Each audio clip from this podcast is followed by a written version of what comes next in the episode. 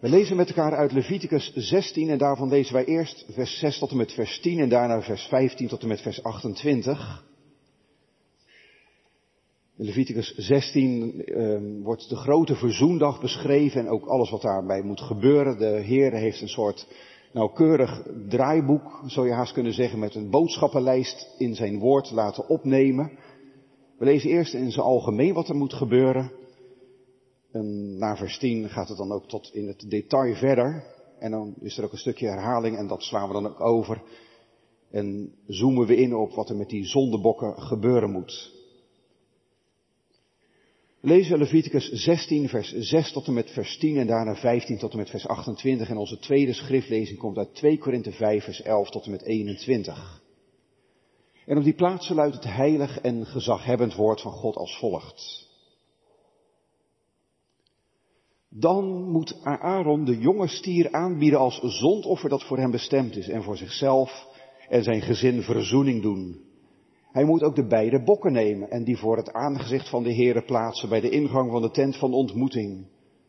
Aaron moet namelijk het lot over de twee bokken werpen. één lot voor de Heere en één lot voor de weggaande bok. Dan moet Aaron de bok waarop het lot voor de Heere gevallen is aanbieden en hem als zondoffer bereiden.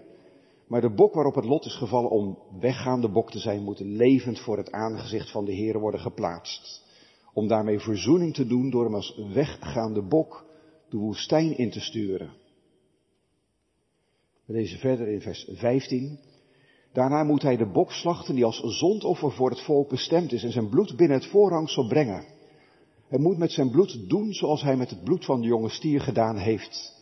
En dat op het verzoendeksel en voor het verzoendeksel sprenkelen. Zo moet hij over het heiligdom verzoening doen vanwege de onreinheden van de Israëlieten en vanwege hun overtredingen, overeenkomstig al hun zonden.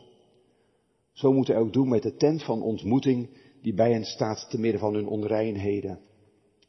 Geen enkel mens mag in de tent van ontmoeting zijn als hij er binnen gaat om in het heiligdom verzoening te doen, totdat hij naar buiten komt.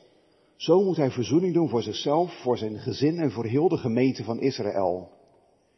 Daarna moet hij naar buiten gaan, naar het altaar, dat voor het aangezicht van de Heer is en er verzoening over doen. Hij moet dan een deel van het bloed van de jonge stier en een deel van het bloed van de bok nemen en het rondom op de horens van het altaar strijken. Dan moet hij met zijn vinger zeven keer een deel van het bloed daarop sprenkelen. Zo reinigt en het van de onreinheden van de Israëlieten. Wanneer hij de verzoening over het heiligdom, de tent van ontmoeting en het altaar voltooid heeft, dan moet hij de levende bok naar de bij laten komen. Aaron moet zijn beide handen op de kop van de levende bok leggen en al de ongerechtigheden van de Israëlieten beleiden, al hun overtredingen, overeenkomstig al hun zonden. Hij moet die op de kop van de bok leggen en hem door de hand van een man die daarvoor gereed staat de woestijn insturen. Zo draagt de bok al hun ongerechtigheden op zich weg naar een onbewoond gebied. Hij moet de bok de woestijn insturen. Daarna moet Aaron in de tent van ontmoeting komen en de linnenkleren uittrekken die hij aangedaan had toen hij het heiligdom binnenging. Dan moet hij ze daar laten. Hij moet zijn lichaam in de heilige plaats met het water wassen en zijn kleren aantrekken. Dan moet hij naar buiten gaan, zijn brandoffer bereiden met het brandoffer van het volk en voor zichzelf en het volk verzoening doen. Ook moet hij het vet van het zondoffer op het altaar in rook laten opgaan. Hij die de weggaande bok heeft weggestuurd, moet zijn kleren wassen en zijn lichaam met water wassen, dan mag hij, het kamp, mag hij in het kamp komen. De jonge stier voor het zondoffer en de bok voor het zondoffer, waarvan het bloed in het heiligdom is binnengebracht om verzoening te doen, moet men tot buiten het kamp brengen. Hun huiden, hun vlees en hun mest moeten zij met vuur verbranden. Hij die ze verbrandt, moet zijn kleren wassen en zijn lichaam met het water wassen. Dan mag hij in het kamp binnenkomen. We stoppen hier met dit gedeelte. We lezen verder in 2 Korinthe 5, vers 11 tot en met vers 21. Nu wij dus deze vrees voor de Heere kennen, bewegen wij de mensen tot het geloof en voor God zijn we openbaar geworden, maar ik hoop ook voor uw gewetens openbaar te zijn. Want wij bevelen onszelf niet opnieuw bij u aan, maar wij geven u een aanleiding tot roem over ons, opdat u iets te zeggen zou hebben tegen hen die in het uiterlijke roemen en niet in wat er in het hart leeft. Want wanneer wij buiten onszelf zijn, dan, zijn, dan is dat voor God. En wanneer wij bij ons verstand zijn, dan is dat voor u. Want de liefde van Christus dringt ons, die tot dit oordeel gekomen zijn als één voor allen gestorven is, dan zijn zij allen gestorven. En hij is voor allen gestorven, opdat zij die leven niet meer voor zichzelf zouden leven, maar voor hem die voor hen gestorven en opgewekt is. Zo kennen wij vanaf nu niemand naar het vlees en al hebben wij Christus naar het vlees gekend, dan kennen wij hem nu zo niet meer. Daarom, als iemand in Christus is, is hij een nieuwe schepping. Het oude is voorbij gegaan, zie, alles is nieuw geworden. En dit alles is uit God, die ons met zichzelf verzoend heeft door Jezus Christus en ons de bediening van de verzoening gegeven heeft. God was namelijk die in Christus de wereld met zichzelf verzoenende was en hen hun overtredingen niet toerekende. En Hij heeft het woord van de verzoening in ons gelegd. Wij zijn dan gezanten namens Christus, alsof God zelf door ons smeekt. Namens Christus smeken wij, laat u met God verzoenen. Want Hem die geen zonde gekend heeft, heeft Hij voor ons tot zonde gemaakt. Opdat wij zouden worden gerechtigheid van God in Hem. Tot zover onze schriftlezing, het woord van de Heer. Zalig bent u als u dit woord hoort, bewaart en daaruit ook leeft. Gemeente des Heer, het woord van God, onze tekst voor deze avond komt uit 2 Korinthe 5 en daarvan vers 18 tot en met vers 21. En ik lees nu als een kern vers 19 aan u voor. God was het namelijk die in Christus de wereld met zichzelf verzoende en aan hun, hen hun overtredingen niet toerekende. Hij heeft het woord van de verzoening in ons gelegd. Vanavond een leerdienst over verzoening, voor zover je daar vanuit een leerdienst over kan spreken. Verzoening is net zoals alle andere woorden die we hebben gezien natuurlijk niet iets van de theorie, waar je een beetje op een veilige afstand over kan nadenken en daar van alles van kan zeggen en van kan vinden, maar het heeft ook met de praktijk te maken. En ik hoop ook de praktijk in uw en jouw leven, dat je weet, mijn zonden zijn verzoend. Maar wel dus een leerdienst, omdat dit ook een woord is wat er echt toe doet. Gemeente jong en oud, daar staan ze. Met verhitte koppen, verbitterde harten. Jij gaat Marcus toch niet meenemen? Hoe kan jij?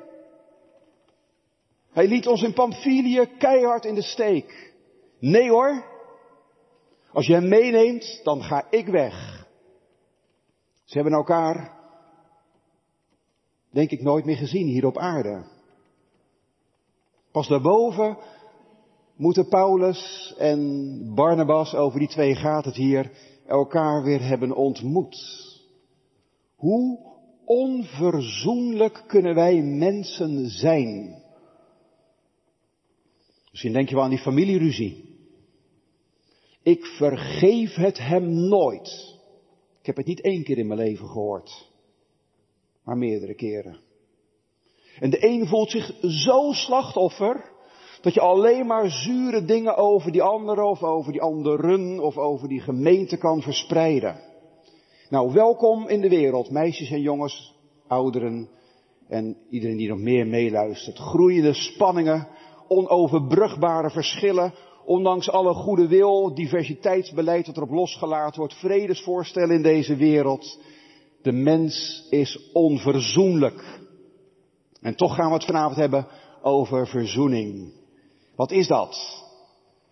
Nou, als ik dan toch iets van een definitie mag geven van wat is nou verzoening, waar hebben we het vanavond met elkaar over, dan zou je het heel kort kunnen samenvatten met de relatie wordt hersteld. En als je het iets langer wil uit, uitspitten, dan kan je zeggen twee personen, twee partijen, die hebben ruzie, die hebben oorlog met elkaar en ze komen weer bij elkaar. De vijandschap, de haat, de onverschilligheid, veranderen in liefde, in relatie. Nou, vanavond gaan we er vier dingen over horen wat verzoening is en ook wat verzoening doet en waar het uit voortkomt. We volgen wel gewoon de tekst in grote lijnen. En dan zullen we eerst horen dat verzoening niet uit mensen komt, maar uit God. Uit God is het eerste kernwoord. Pas bij vers 18 het eerste gedeelte. Door Christus, daar gaat het over verder in vers 18b en 19 nog een stukje. Verzoening wordt bediend. Dat, daar schrijft Paulus over, over zijn eigen rol de rol van alle evangeliedienaren. Dat komt verschillende keren voor. In vers 18 nog, in vers 19 en vers 20 ook. En hoe werkt verzoening? Als ik het dan toch zo mag noemen, dan valt het woordje plaatsvervanging. Dat is het vierde kernwoord vanavond. Dus uit God, door Christus, wordt bediend. Je kan ook zeggen via mensen, maar dat vind ik bijna te veel eer. Dus liever wordt bediend en dan plaatsvervanging, het laatste. Uit God. Ja, we gaan het over verzoening hebben, gemeente. Notenbenen uit de mond van iemand die naar Barnabas een onverzoenlijke houding inneemt. Daarmee wordt meteen pijnlijk duidelijk, denk ik, dat wij het wat verzoening betreft niet van mensen moeten hebben. Niet van mensen met een goede wil. Ook niet van gelovige mensen. Het kerkelijke leven is helaas geen toonbeeld van verzoeningsgezinde christenen. Ondanks het feit dat verzoening met God de kern van het evangelie is, is het kerkelijke landschap verbrokkeld en versplinterd in talloze subgroepjes.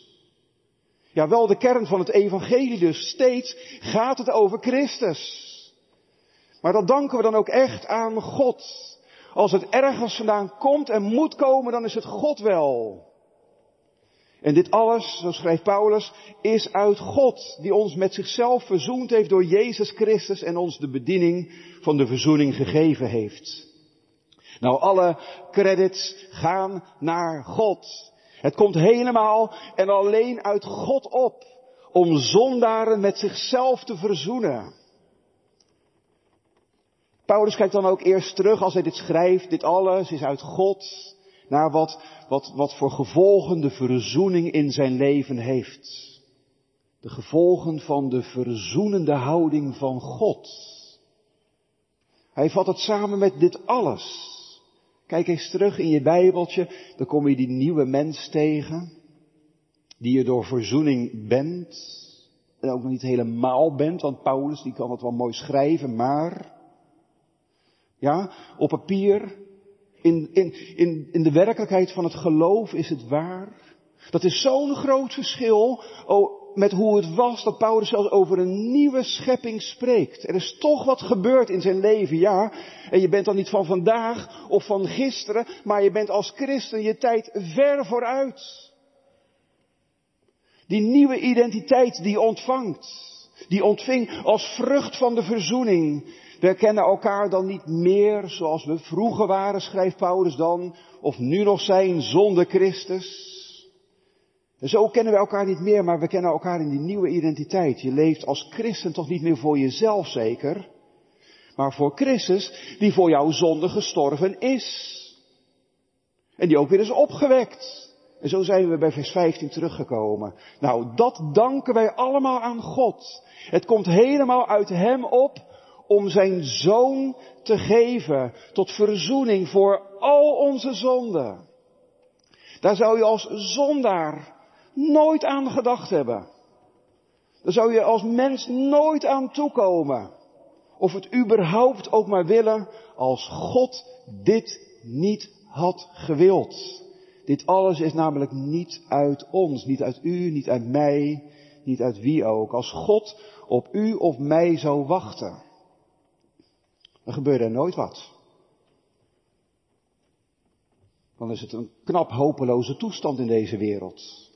Maar God neemt het initiatief. God komt over de brug. God stapt er overheen. God roept je tot zichzelf. God biedt je zijn liefde, zijn genade aan. God komt met zijn zoon. Zondaar, vijanden, doden. Ze mogen het allemaal horen en hem ontvangen.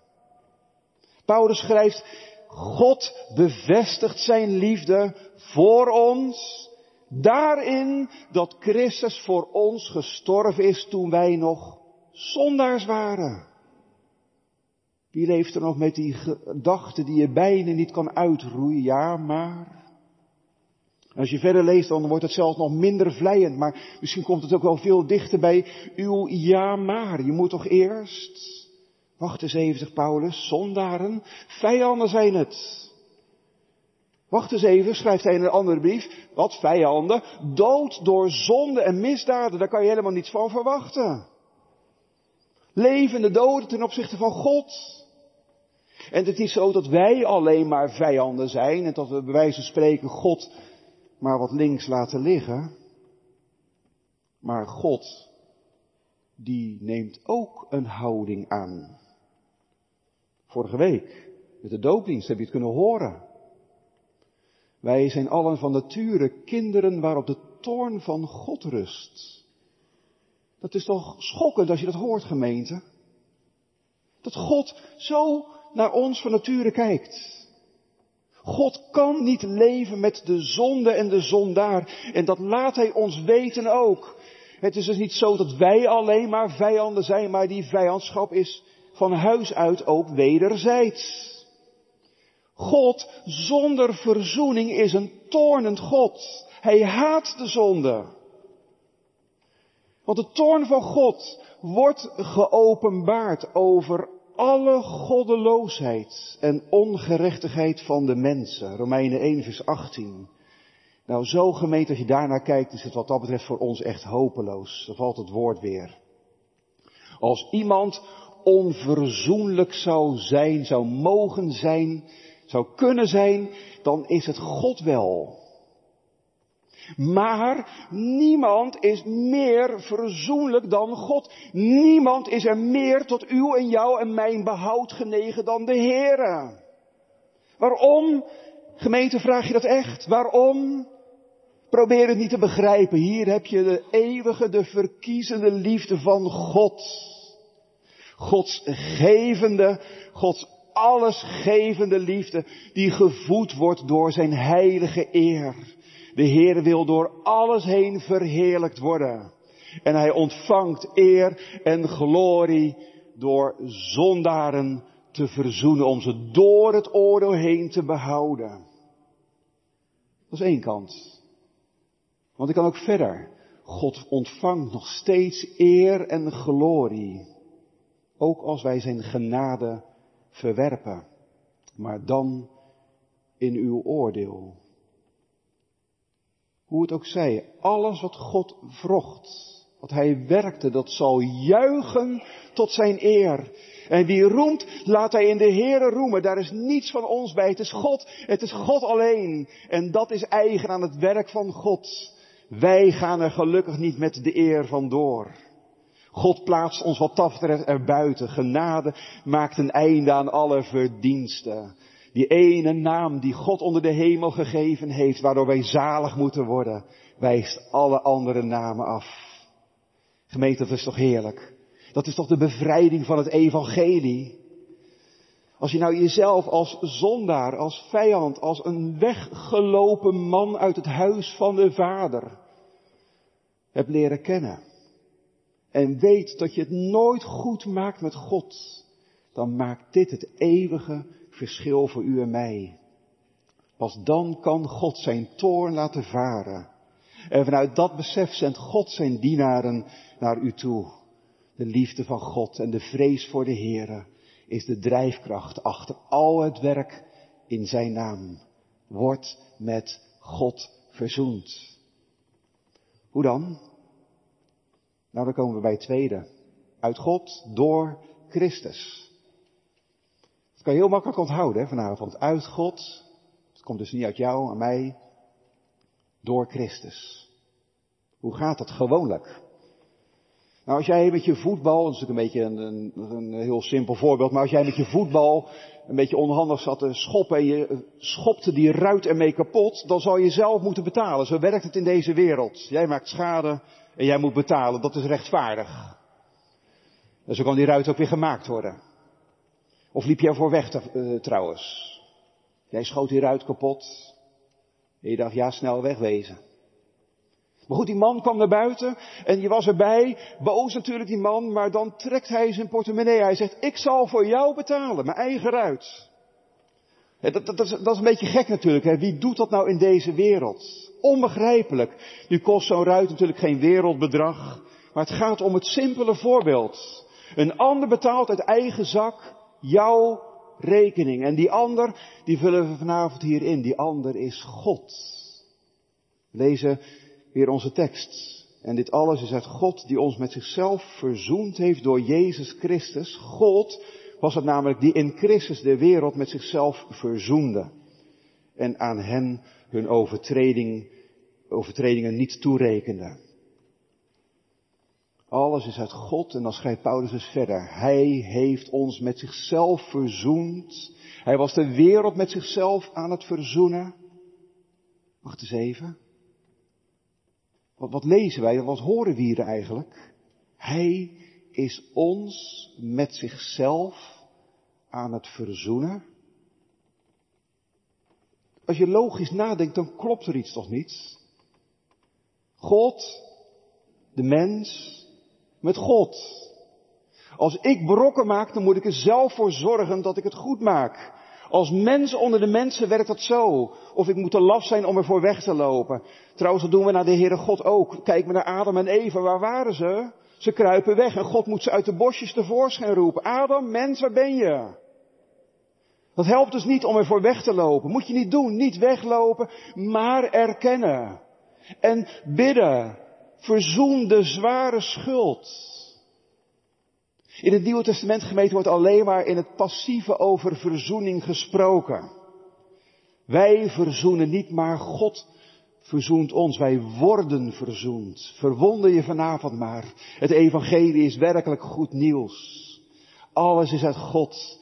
Omdat alles wat uit mij komt, de ellende alleen maar groter maakt omdat alles voor ons niets toevoegt en eeuwig tekortschiet. Daarmee redden we het niet. Maar dat maakt nu juist het geloof, het christelijk geloof zo uniek. De verzoening is daarin het kloppende hart. God die verzoent mensen met God. God maakt het voor u en mij goed met zichzelf. Het was wat hem betreft al goed voordat ik echt ging beseffen dat ik een gigantisch probleem heb. Dat ik een schuld heb waar ik nooit van afkom. Dit alles is uit God die ons met zichzelf verzoend heeft. Geen, geen misschien, geen maar, geen kleine lettertjes. Maar het is zo. Waarom? Nou, dan valt die naam, die heerlijke naam die God onder de hemel gegeven heeft. Door Christus. Daar zit alles in de gemeente. In vers 21 doet Paulus dat uitgebreid nog uit de doeken, hoe dat zit. Ik wil daarbij het laatste op terugkomen. Maar laat ik dit alvast zeggen. Hij kreeg de schuld. Of, of je mag het ook zelfs zo zeggen, hij nam de schuld. Het is allebei waar. Daarom worden onze overtredingen ons niet toegerekend, u niet in de schoenen geschoven, maar in zijn sandalen. Aan Christus worden ze toegerekend. Het behaagde de Heer om hem te verbrijzelen. De ongerechtigheid van ons allen heeft hij op hem doen aanlopen. De Heere zelf gemeten is aan het werk. Hij doet het. Hij zorgt zelf voor genoegdoening. Verzoening heeft alles met plaatsvervanging te maken. Hij voor mij, omdat ik anders de eeuwige dood zou moeten sterven. Daarom kreeg hij de schuld. Het bracht hem het kruis, de vloek, het oordeel, de rechtvaardige toorn van God tegen onze zonde. Maar Christus geeft zichzelf daarin prijs. Het offer van zijn leven geeft hij met oneindige kracht en waarde in uw en mijn plaats. Waarom dat? Waarom is het genoeg? Nou, omdat het bloed van Jezus Christus schoonmaakt van alle zonden. Waarom is het genoeg? Omdat Jezus de Zoon van God is omdat God in Christus de wereld met zichzelf aan het verzoenen is en was. God, mens, met God, door God, zo kan je dat heel eenvoudig bijna op een formule manier samenvatten. Alles is het God, ook dit, dat hij hen hun overtredingen niet toerekende. Wat is dat? Toerekenen, dat is dat je aansprakelijk wordt gesteld. Jij bent de schuldige. Jullie hebben alles kapot gemaakt. Jullie staan bij mij in de schuld. Als God ons dat zou aanrekenen, dan zou de hemel vol, de, de hel vol en de hemel leeg zijn. God staat in zijn recht. En niemand zou tegen God kunnen zeggen, u doet het fout. Wat hier gebeurt, gemeente, is voor onze beleving eerder onrechtvaardig. God rekent onze overtredingen niet aan ons toe. Nou, dat is nou genade. Een woord dat we eerder hebben geproefd met elkaar. Dat is nou genade, gemeente. Je krijgt niet wat je verdient. Hij schrijft het niet in uw en mijn strafblad erbij. Maar hij schrijft het bij zijn zoon erbij. Al bij voorbaat. Hij was in Christus de wereld met zichzelf aan het verzoenen. Nou, daarom krijg je niet wat je verdient. Of je mag ook zeggen, je krijgt wat je niet verdient. Verzoening, het is goed. Het is volmaakt. Het is volkomen goed. Alsof je nooit één zonde hebt gedaan. Nooit één gedachte hebt gekoesterd, niet één gevoel hebt ervaren. Alsof je je nooit als vijand, als dode tegenover God hebt opgesteld. Helemaal goed. Door Christus. Straks gaan we daar meer over zien. Eerst gaan we nu verder met de derde. De bediening der verzoening. Even samenvatten, dit alles is uit God, niet uit ons, uit mensen. Wij verzoenen onszelf niet met God, maar dat doet Hij met ons. Het is ook niet iets wat je automatisch, hoe moet je zeggen, wat automatisch je gebeurt. Of je als vanzelfsprekend kan veronderstellen. Als Paulus het zo schrijft, dan, dan, dan is hij nog niet klaar. Dan moet u, dan moet jij er vanavond ook bij. Het moet je gebeuren. Paulus zegt, de, verzoening wordt je bediend. Zonder dat het je passief maakt trouwens. Want je wordt gevraagd. Er wordt jou gesmeekt. Hij heeft ons de bediening van de verzoening gegeven, schrijft Paulus. God was het namelijk die in Christus de wereld met zichzelf verzoende en aan hen hun overtredingen niet toerekenen. En hij heeft het woord van de verzoening in ons gelegd. Wij zijn dan gezanten, namelijk namens Christus, alsof God zelf door ons smeekt. Namens Christus smeken wij, laat u met God verzoenen. De verzoening wordt je bediend. Je mag ook zeggen, het komt via Gods dienaren tot je. Want God gebruikt meestal mensen in de dienst van de verzoening. Wel mensen, en dat is van God uit geen vergissing. Hij komt niet met een engel naar je toe. Iemand die volmaakt en perfect voor God leeft. Iemand waarvan je kan zeggen, ja, die heeft echt een, een blanco strafblad. Die heeft nooit gezondigd. Maar gewoon mensen. Het zijn net mensen die dienaren van God. Mensen zoals u en ik. Vooral zondaren zoals u en ik. Met dezelfde natuurlijke neigingen waar u mee strijdt en worstelt, waar je mee onderuit gaat, daar ga ik ook mee onderuit en daar worstel ik ook mee. En voordat God ons, voordat God mij verzoende door de dood van zijn zoon, stond ik net zo goed met mijn rug naar God.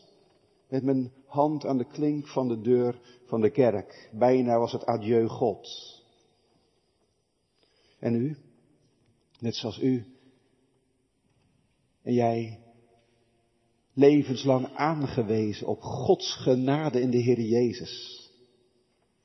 Daarom gebruikt God nu juist mensen, gemeente. Want je kan alleen de verzoening bedienen als je zelf uit verzoening leeft.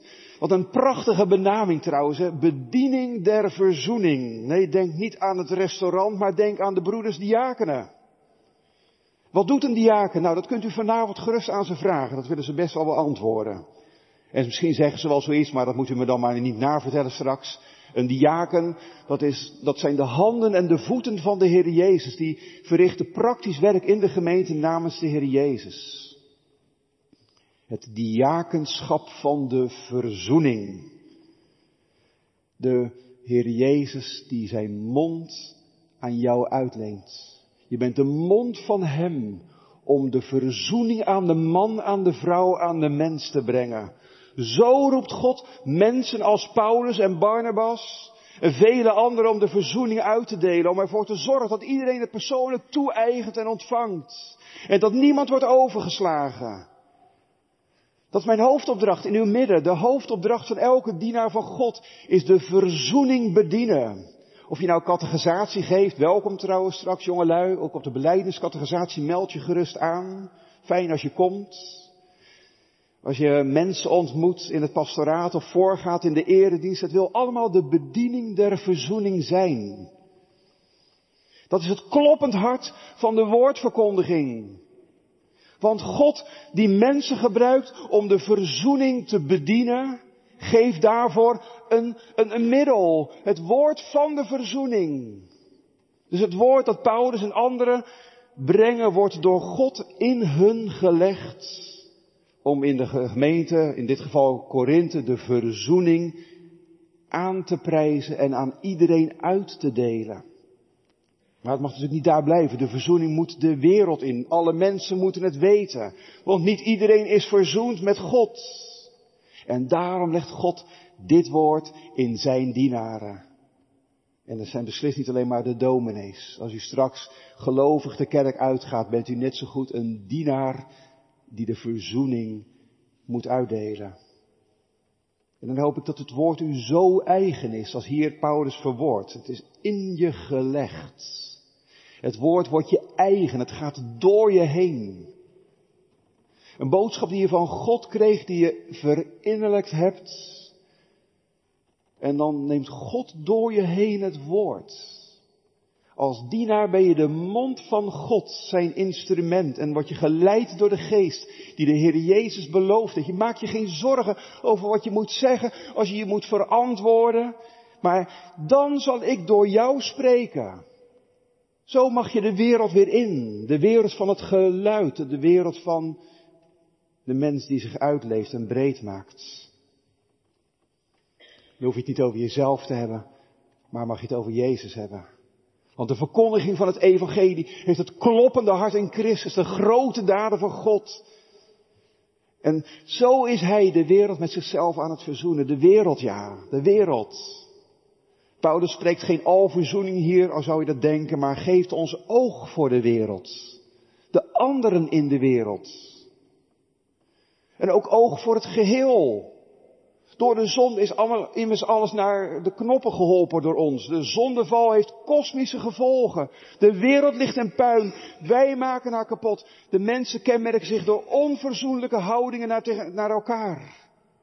Maar dan komt God en hij heeft deze wereld, deze wereld, deze wereld zo lief. Dat hij zijn zoon gegeven heeft. En dat geven gemeente, dat gaat door, door u en jou, die de mond van God is. En de verzoening wereldkundig maakt. Om ons, we komen maar weer naar onszelf terug, om ons tot God te brengen, om ons tot geloof te brengen, zet God in zijn goedheid boodschappers van deze zeer blijde boodschap. Hij doet het waar hij wil, wanneer hij wil, wanneer, tot wie. Het gaat allemaal van God uit. Als je dan bedenkt, gemeente, dat God de Almachtige is. Hij heeft de hemel en de aarde gemaakt. Alles bestaat door hem en voor hem. Wat moet deze God met vijanden? Als God het zou willen, dan zou hij zijn luchtmobiele brigade van heilige engelen gebruiken om onze opstand in een ogenblik neer te slaan. Eén wenk, één woord, één gebaar is genoeg om deze wereld weg te vagen en een nieuwe te maken.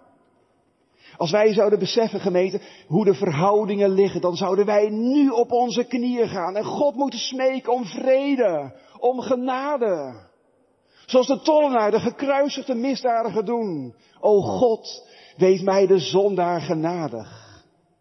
Maar wat God doet, gemeente, is ongekend. De omgekeerde wereld. In onze wereld sturen kleine, zwakke mensen die, die iemand anders hebben benadeeld, gauw een vertegenwoordiger. Wilt u het, mag het weer goed zijn met u? Vredesgezanten stuur van een zwak land naar een sterk land, omdat je dezelfde strijd niet kan vechten, niet kan voeren. Maar hier doet de Almachtige God het andersom, gemeente. Hij komt niet met geweld. Hij dreigt niet, maar hij stuurt vredesgezanten. Wij zijn vredesgezanten Vertegenwoordigers van God die met vrede komen met de witte vlag.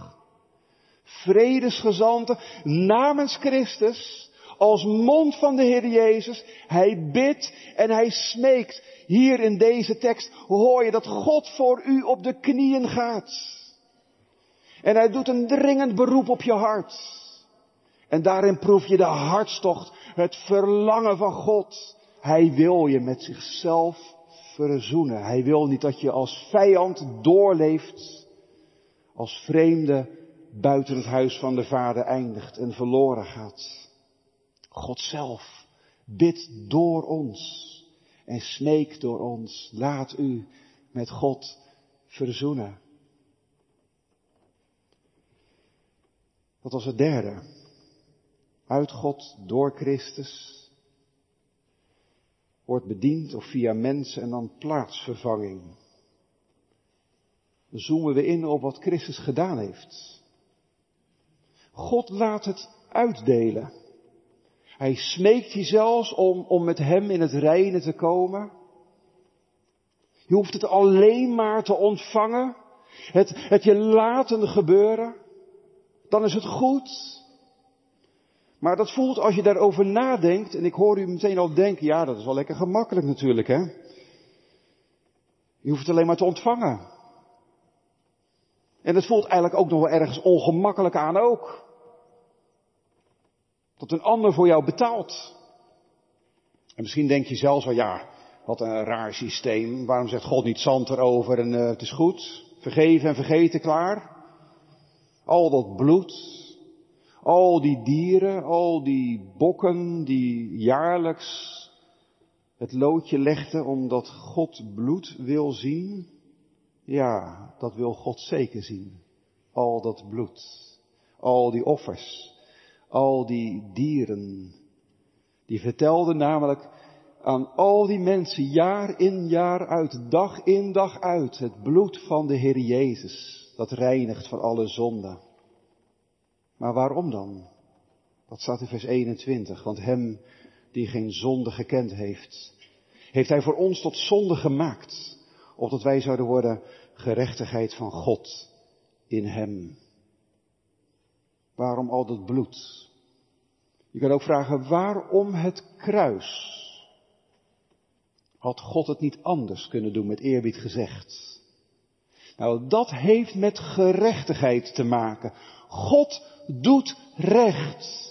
Aan zichzelf, maar ook aan zijn wereld. En alle mensen, de zonde moet verzoend worden. Verzoening is veel meer dan het alleen maar goed maken tussen God, mens en God. Het is ook het laten verdwijnen van de zonde uit de wereld. Daarom Christus, Gods eigen zoon, onze middelaar, onze zaligmaker. Christus, hij heeft geen zonde gekend. Hij weet niet wat het is om te zondigen. Vanuit Leviticus zagen wij dat God dat duizenden jaren door heeft laten zien door die zondebok en door de andere offers. Al die dieren, ze werden eerst gecontroleerd, hebben ze een gebrek, terug naar de kudde. Zijn ze volmaakt, dan kunnen zij sterven voor het goede doel. Al die dieren vertelden de Israëlieten. Gewoon met hun ogen konden ze het zien. Zo perfect, zo volmaakt, zo zonder zonde moet het dier zijn dat voor jou het leven geeft. Zo moet jij zijn eigenlijk. Zonder al die vuilheid en die narigheid van de zonde. Een soort spiegel. Maar dan gebeurde er wat. De hoge priester moest zijn handen op de zondebok leggen. Die ene die wordt weggestuurd. Hij moet zijn eigen zonde en die van het hele volk beleiden. En dan valt de nadruk ook op het woordje alle. Alle zonden en alle overtredingen. En dan moet je eens opletten hoe hij dat doet. Eigenlijk zouden we toch gemeente een soort blik terug kunnen moeten maken naar duizenden jaren terug. Dat is zo'n mooi beeld. Hoe doet die priester dat? Nou, hij legt zijn handen op dat dier. En hij duwt met alle macht, met het volle gewicht van zijn leven op de kop van dat dier. Dat buigt natuurlijk helemaal naar de grond. Het wordt in het stof gedrukt omdat die hoge priester zijn gewicht en het gewicht van het volk in de schaal legt. En dan, dan, dan sprak hij die schuldbeleidenis uit.